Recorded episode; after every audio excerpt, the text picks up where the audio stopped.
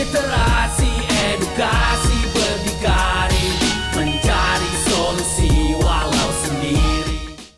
Assalamualaikum warahmatullahi wabarakatuh. Kembali lagi bareng gua Muhammad Tufel Al Ghifari di vlog eh, channel ini dan sekaligus untuk podcast Armor Fati seri keempat. Ya, kali ini gua mau coba untuk memberikan perspektif gua tentang eh, orang yang apa merespon video gua mengenai kembalinya fungsi museum Ayah Sofia menjadi masjid. Ya cukup banyak sih cuman ya gitu ya kalau di channel gua nggak semua komen itu di approve oleh tim. Jadi kita nggak mau ada komen-komen yang provokatif akhirnya membuat para eh, teman-teman yang mengikuti channel ini atau podcast ini jadi saling menghujat apalagi menghujat antar agama ya tentu gue juga tahu nggak semua orang eh, berbahagia dengan berubahnya masjid eh museum Ayah Sofia menjadi kembali menjadi masjid Ayah Sofia. Gue bilang kembali karena memang awalnya eh, masjid Ayah Sofia ini ya atau sering juga dibilang Hagia Sophia ini memang awalnya gereja katedral dari Kristen Ortodok lalu berubah jadi masjid eh, Ayah Sofia di masa Kesultanan Muhammad Al-Fatih. Lalu oleh Kamal Ataturk dirubah menjadi museum. Lalu di era Erdogan dikembalikan lagi menjadi eh, masjid. Jadi itu itu fase perubahannya. Nah, gue menanggapi teman-teman yang eh, kawan-kawan atau orang-orang yang mengatakan bahwa masjid Ayah Sofia itu dirampas dari eh, umat Kristen Ortodok saat itu yang ada di eh, Konstantinopel. Dia ya tentu pasti tuduhan itu diberikan kepada Muhammad Al-Fatih. Kasar ya bahasanya, maksudnya rampas tuh kasar sekali kalau menurut saya. Cuman saya mewanti-wanti kepada semua teman-teman di komunitas Armor Fatih untuk santai kalau apa berdiskusi, berdialog apalagi di dunia maya. nggak perlu terlalu apa ya di, menanggapi dengan serius karena kita kadang nggak tahu di dunia maya ini akunnya akun asli apa akun bot ya itu jadi, takutnya terjadi disrupsi disrupsi media. Jadi terjadi terjadi kekacauan media doang dan lu terjebak dalam omong kosong perdebatan mengenai hal itu. Tapi karena banyak juga yang berharap gue ngasih view gue pertama gue pengen mulai dulu dari sebuah cerita yang gue denger ya. Jadi banyak juga teman-teman yang menanggapi eh, pendapat bahwa Hagia Sophia, Ayah Sofia ini adalah eh, hasil rampasannya Muhammad Al-Fatih dengan membuat sebuah cerita. gue tahu niatnya mungkin bagus ya, ingin menceritakan bagaimana rahmatan lil alaminnya Muhammad Al-Fatih. Cerita itu begini, jadi mereka nggak setuju untuk eh, untuk eh, mendengarkan pendapat yang mengatakan bahwa Ayah Sofia itu dirampas lalu ada cerita ini mereka ber- bercerita bahwa Ayah Sofia itu sebenarnya hadiah dari Kristen Ortodok kayak Kristen Ortodok eh, di Konstantinopel untuk Muhammad Al-Fatih untuk Muhammad Al-Fatih karena mereka merasakan adanya kedamaian dan perlindungan dari Muhammad Al-Fatih. Tapi Muhammad Al-Fatih nggak mau menerima hadiah itu, akhirnya memilih membeli Hagia Sophia, bukan menerimanya secara gratis. Gue mencari tahu soal soal soal literasi ini ya. Di mana sumber bukunya, di mana sumber ceritanya dan dari siapa aja. Gue coba mencari tahu.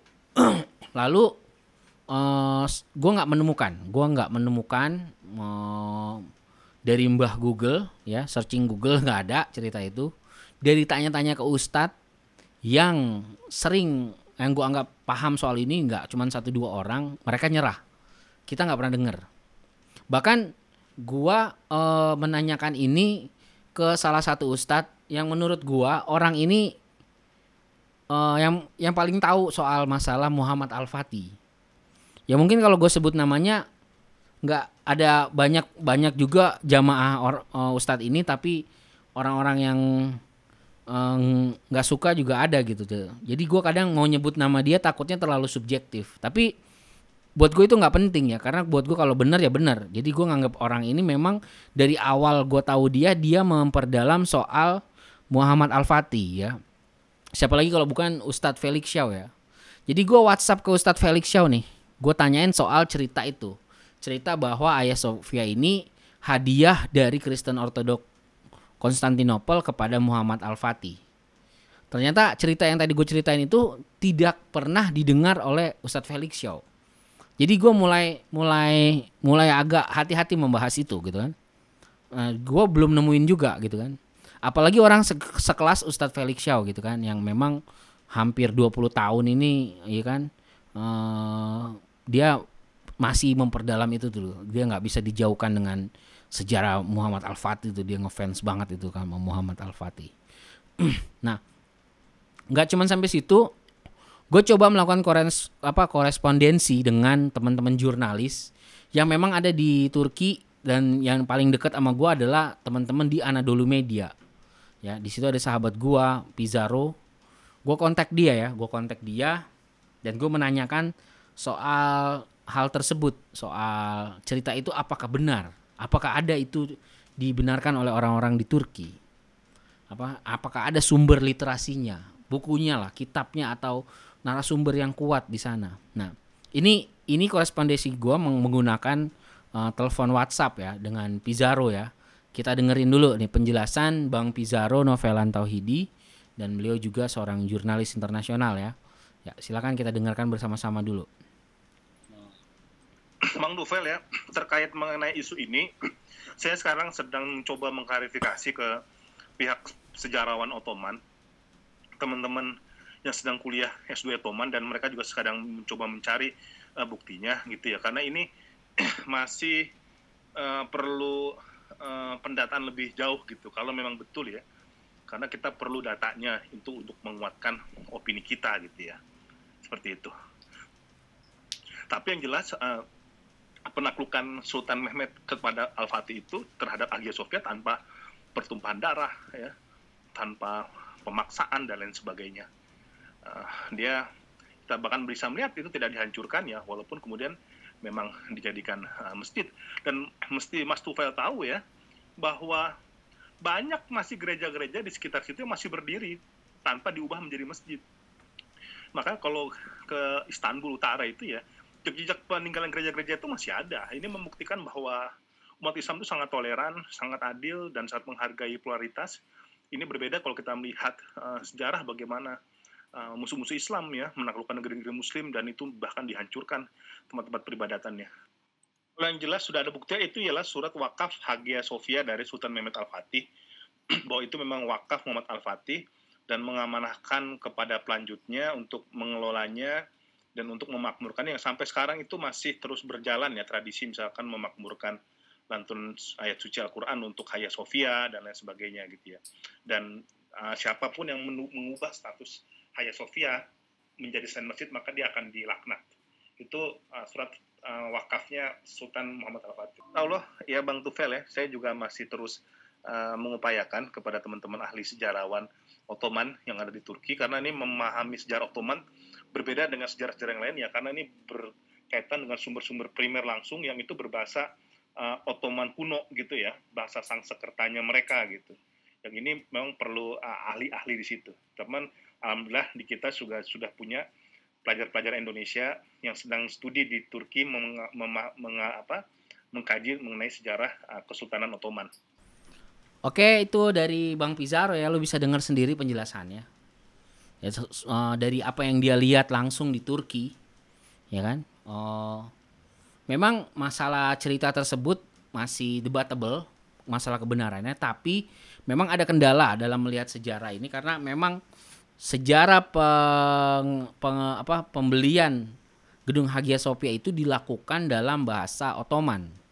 Dan ternyata bahasa Ottoman sama bahasa Turki modern ini nggak sama ya. Ada ada ada beberapa hal yang memang tidak sama. Yang ibaratnya kalau dalam bahasa uh, Indonesia itu sama kayak ngeliat bahasa Indonesia dengan bahasa Sanskerta. Jadi memang perlu pakar khusus untuk mempelajari bahasa uh, Ottoman.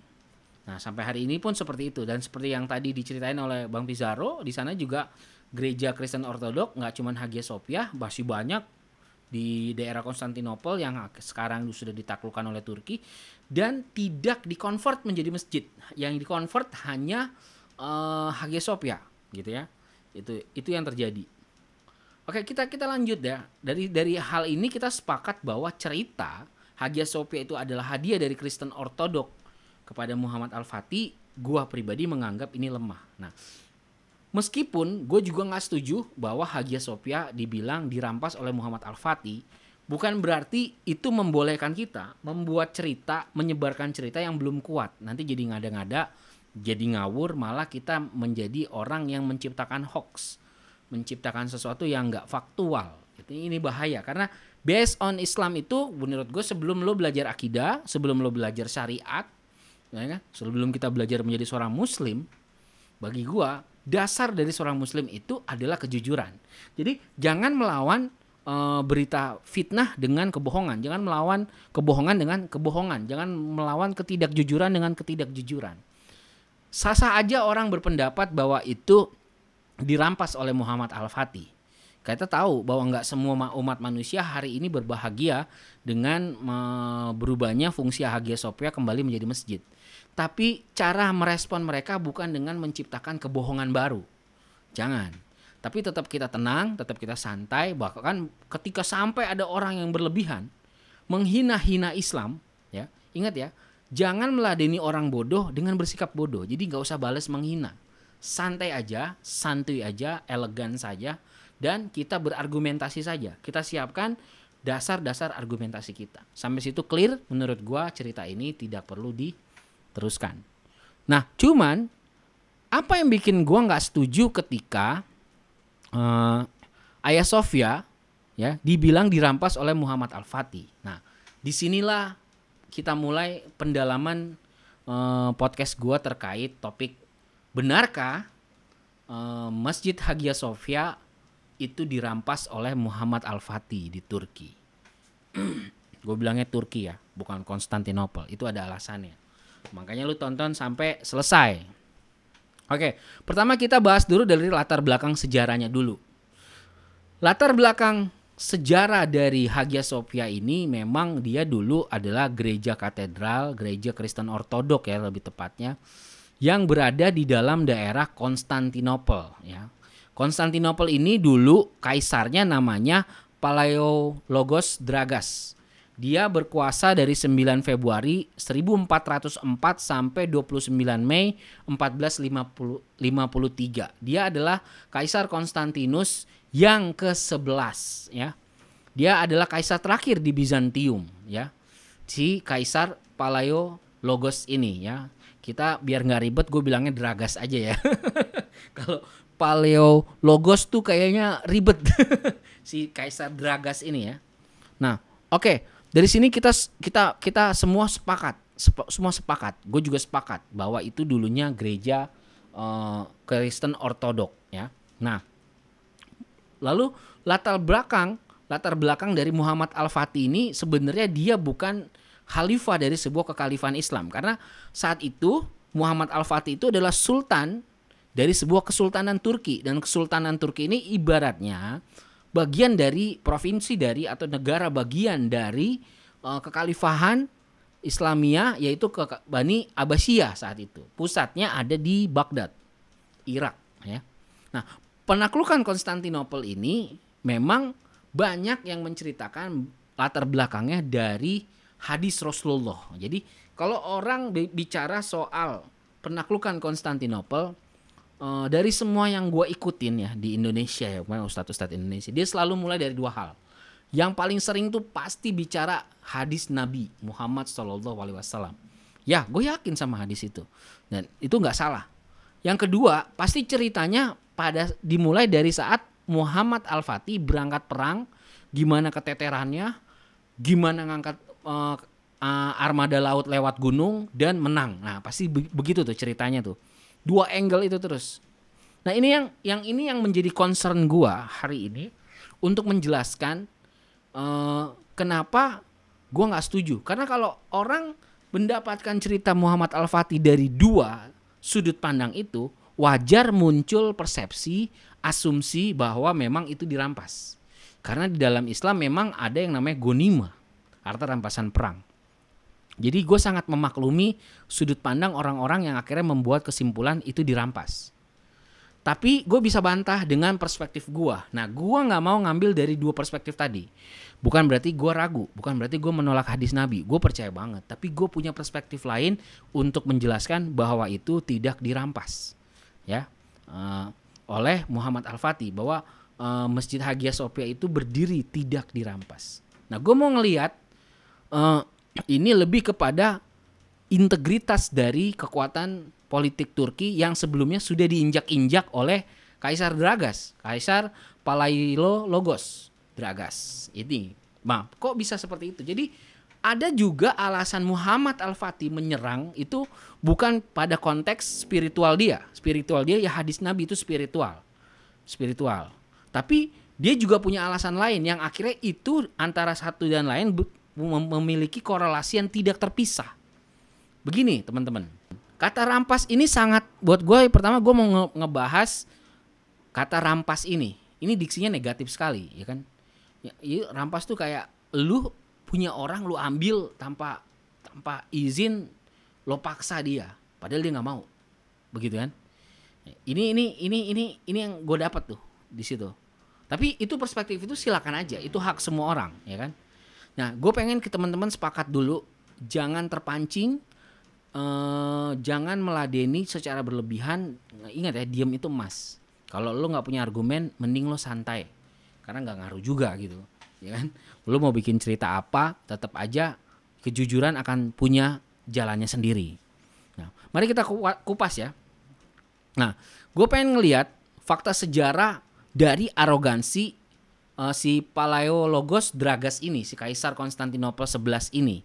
Jadi Palaeologos Dragas ini memang sudah melakukan eh, pengkhianatan terhadap kesepakatan damai antara Konstantinopel dengan eh, Kesultanan Turki. Jadi sudah ada perang terjadi be- sebelumnya, sebelum Sultan Al-Fatih menaklukkan Konstantinopel, sudah ada. Nah, sampai ke titik di mana eh, ada kesepakatan, kesepakatan eh, damai antara Kesultanan Turki dan Konstantinopel karena memang perang terus terjadi. Perang terus terjadi terus akhirnya sampailah ke titik di mana oke nggak usah dilanjutin lagi. Akhirnya ada, ada ada kesepakatan damai bahwa mereka harus saling menjaga antara Bizantium dan Kesultanan Turki. Nah, ini kan yang bom apalagi di zamannya Sultan Murad II, ayahnya Muhammad Al-Fatih. Nah, ketika terjadi, ketika terjadi kesepakatan damai ini, sebenarnya Konstantinopel tidak sedang berdamai dengan Turki. Konstantinopel mengobok-ngobok Turki lebih dahulu, lebih dulu. Nah, apa yang dilakukan oleh Konstantinopel? Dia melakukan yang namanya operasi intelijen. Jadi Konstantinopel melakukan perekrutan terhadap terhadap ya, terhadap orang-orang pragmatis di dalam Kesultanan Turki. Dan salah satunya adalah menteri-menteri di sekitar Sultan Murad II, yaitu ayahnya Muhammad Al-Fatih. Itu yang pertama. Nah, ketika Konstantinopel si Kaisar Palaiologos Dragas ini berhasil eh, merekrut merekrut para menteri ini yang pragmatis ini untuk berubah menjadi kaki tangan dia di dalam Kesultanan Turki. Konspirasi yang paling yang paling eh, menyedihkan yang dilakukan oleh eh, Konstantinopel adalah membunuh kakaknya Muhammad Al-Fatih. Diracun. Tapi ketika kakaknya Muhammad Al-Fatih mati dibunuh ini, Al-Fatih masih kecil, jadi dia belum tahu kalau itu yang bunuh oh, ada konspirasi dari Konstantinopel, ada rek apa eh, kerjasama jahat lah. itu yang pertama. Lalu yang kedua, si orang-orang Konstantinopel yang ada dalam Kesultanan Turki ini juga tahu bahwa ada satu anak eh, Sultan Murad yang masih berambisi untuk menyerang Konstantinopel. Nah, tujuan Konstantinopel itu eh, melakukan operasi intelijen itu tadinya untuk menumpulkan semangat itu karena eh, menurut mereka ini sesuatu yang berbahaya menurut Konstantinopel. Tapi cara mereka kasar. Cara mereka eh, me- apa menumpulkan semangat penaklukan itu kasar apalagi mela- sampai melakukan pembunuhan terhadap kakaknya Muhammad Al-Fatih. Nah, ada satu lagi eh, dalam keturunan Sultan Murad itu yang masih berapi-api ya itulah Muhammad Al-Fatih anak yang tersisa gitu kan. Nah, di, bagaimana cara membungkam semangat Muhammad Al-Fatih adalah dengan mempengaruhi Sultan Murad. Jadi di hari-hari tua Sultan Murad itu dia sempat eh, juga meredam Muhammad Al-Fatih agar jangan terlalu menggebu-gebu untuk berpikir menyerang Konstantinopel karena itu akan berbahaya bagi Turki, bagi kedaulatan Turki. Nah, di sini orang-orang cara berpikirnya orang-orang di Kesultanan Turki itu berpikir bahwa lebih baik hidup damai, nggak usah berperang demi kemaslahatan rakyat. Sebenarnya begitu awalnya, tapi menjadi sangat pragmatis. Akhirnya kedaulatan Turki yang harusnya berdiri sendiri menjadi apa bisa disetir oleh Konstantinopel. Nah Muhammad Al Fatih maunya eh bergeningnya harus sama gitu antara Konstantinopel dengan Turki. Apalagi Turki sebenarnya bagian terkecil dari sebuah kekhalifahan Islam yaitu kekhalifahan Bani Abbasiyah. Turki eh, Muhammad Al Fatih punya energi keislaman itu dia memahami kontekstual itu. Nah, cuman operasi yang kedua ini adalah mempengaruhi ayahnya Muhammad Al-Fatih. Meskipun tidak sampai membenci, hanya meredam sampai akhirnya Sultan Murad meninggal dunia. Nah, ada lagi di sini konspirasi yang selanjutnya. Bagaimana Konstantinopel itu sudah mengacak-ngacak Turki, berusaha untuk jadi di depan ada kesepakatan damai, di belakang si Konstantinopel ini merusak, mengacak-ngacak supaya Turki ini tumpul, supaya Turki ini tidak punya kedaulatan dan mereka tuh menjadi negara yang nurut sama Konstantinopel. Nah yang ketiga tuh apa? Adalah berusaha nih si Konstantinopel ini ikut terlibat. Dia menjadi dalang dari usaha agar Muhammad Al-Fatih tidak naik tahta menjadi sultan menggantikan Sultan Murad. Ya, padahal dia pewarisnya. Dia pewaris tahtanya, pewaris tahta tunggal saat itu. Karena kakaknya udah meninggal dan segala macam. Bukan hanya coba nih, yang itu yang tadi yang ketiga ya. Bukan hanya coba untuk menggagalkan, bahkan mengirim pembunuh bayaran untuk membunuh Muhammad Al-Fatih. Ya kan? Jadi Muhammad Al-Fatih itu udah berusaha untuk dibunuh dari saat dia kecil diracuni sampai memang dikirim asasin, pembunuh bayaran. Tapi alhamdulillah qadarullah selalu dijaga. Ketika Sultan Murad itu eh, meninggal nah, di hari eh, ada kayak hari tera- deadline di mana di situ harus ditentukan penggantinya Muhammad Al Fatih harus datang pada hari itu. Jadi dia melakukan perjalanan. Nah selama perjalanan itu dia diganggu dikirim pem- pembunuh segala macam. Ada usaha untuk membunuh dia ya kan sampai Qadarullah ini panjang ceritanya Muhammad Al Fatih bisa datang tepat pada waktunya. Ya kan? Jadi sudah ingin menggagalkan ya jadi yang pertama membunuh kakaknya membuat hubungan dia renggang dengan ayahnya coba menggagalkan dia menjadi sultan pengganti ayahnya pewaris tatanya ya kan? Lalu coba membunuh dia ya kan? Ya, ada lagi menyiapkan sultan yang bisa menggantikan Muhammad Al-Fatih yaitu sultan boneka yang sudah direkayasa Wah, dia orang Turki tapi menjilat kepada Konstantinopel karena gila harta, gila eksistensi. Ini ini terjadi dan Konstantinopel jadi dalangnya. Gitu. Jadi dalangnya pion-pionnya orang-orang Turki yang pragmatis ini sampai ke sebagian menteri-menterinya Sultan Murad dan itu pun dibi- eh, tetap dija- dibiarkan sama Muhammad Al-Fatih di masa kepemimpinannya. Ini yang terjadi. Bayangin berapa kali itu Konstantinopel terus-terus merongrong dengan operasi senyapnya itu, penyusupan mata-mata, penggembosan itu sudah dilakukan oleh Palaiologos Dragas itu, si kaisar Konstantinus yang ke-11 itu. Jadi sebenarnya rongrongan ini sudah lebih dulu ada. Jadi pada saat itu bab Hagia Sophia itu tidak ada. Kalau mau masuk di bab ini dulu, maka bab Hagia Sophia itu nggak penting.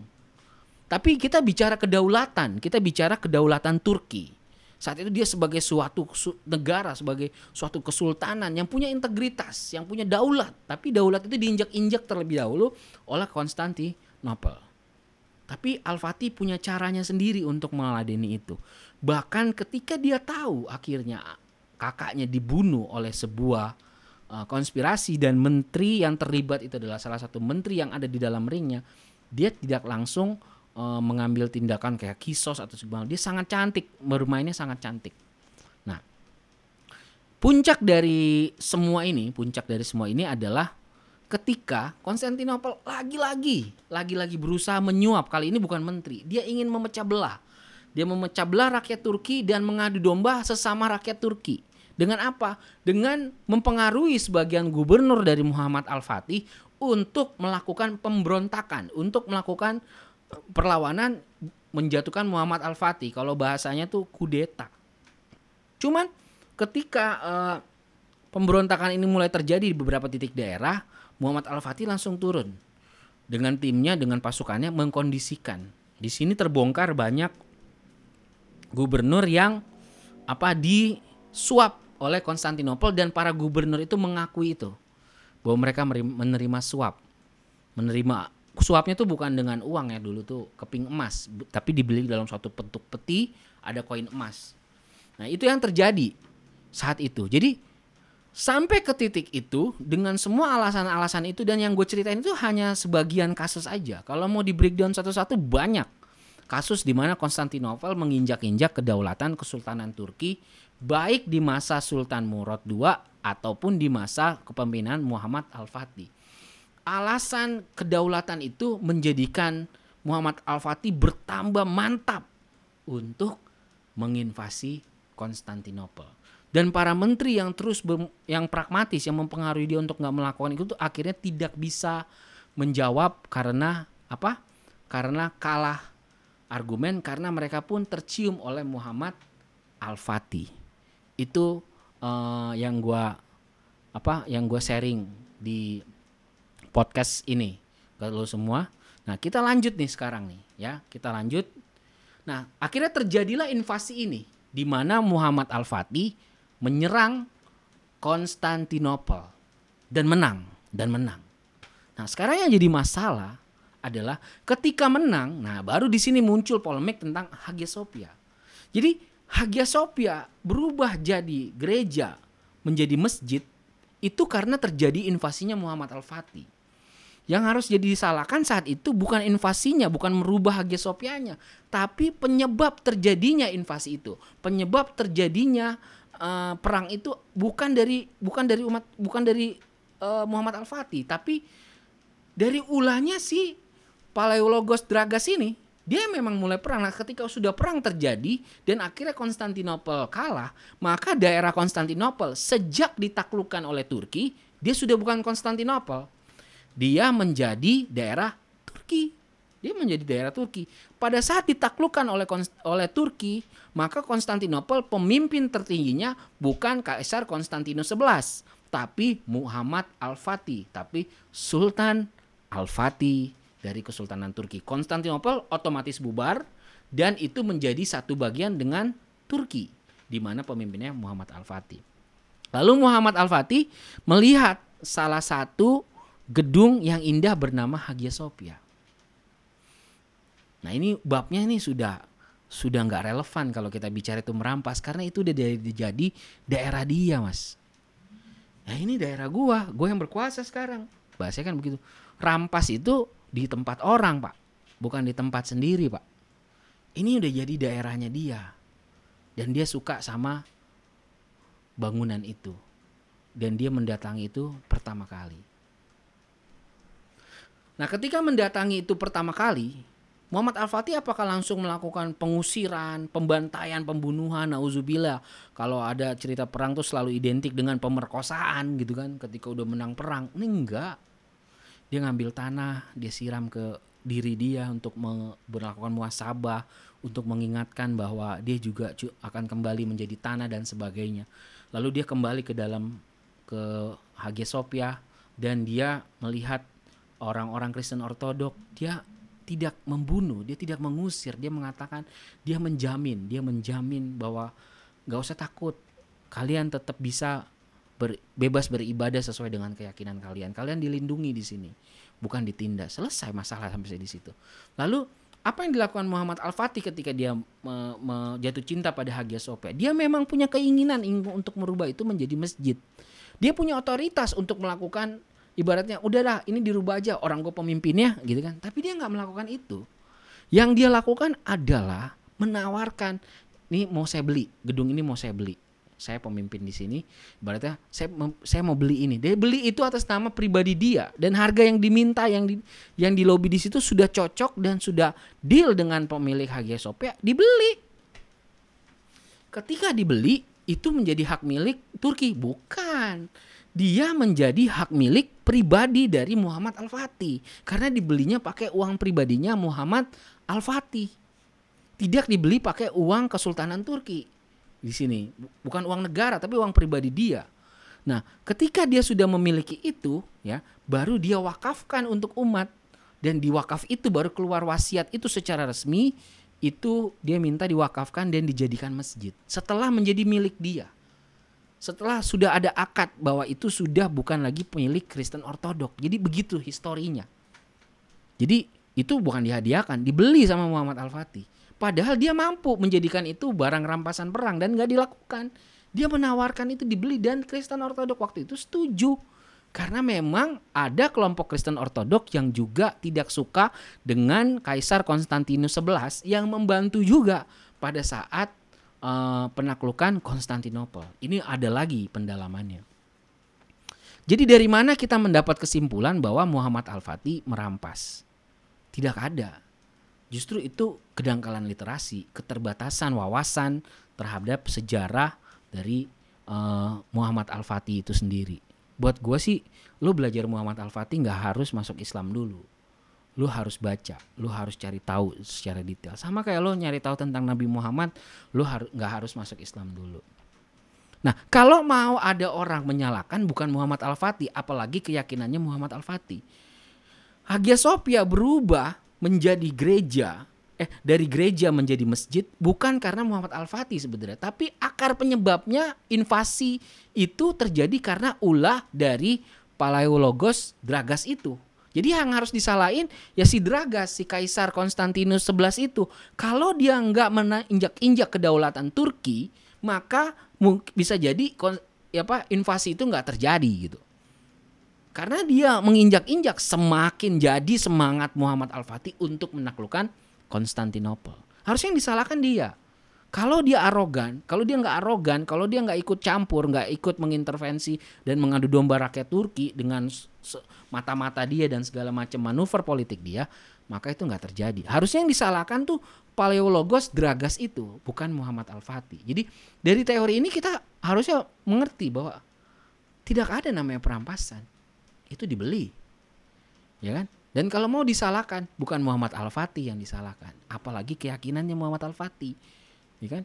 Yang disalahkan adalah kearogansi Paleologos Dragas yang sudah melakukan konspirasi diam-diam bahkan sampai membunuh kakaknya Muhammad Al-Fatih. Sesederhana itu gue coba untuk menjelaskan duduk masalah ini.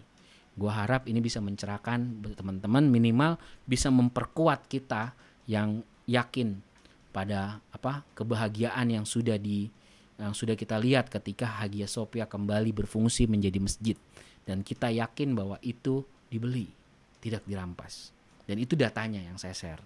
Itu eh, apa literasi yang saya bagi ke teman-teman. Tapi kalaupun masih mau bertahan dengan pendapat itu saya juga nggak maksa orang untuk seragam dengan saya. Tinggal bagaimana penonton pendengar pemirsa sekalian menilai sendiri Wallahu alam biswab. Sekian dari saya Muhammad Tufel Al-Ghifari. Sampai ketemu di podcast selanjutnya. Wassalamualaikum warahmatullahi wabarakatuh. Atau biarkan senandung nasib terintikan bagi zaman sesudahmu Dan menjadi pupuk khazanah doa Yang kau panen untuk hari esok generasimu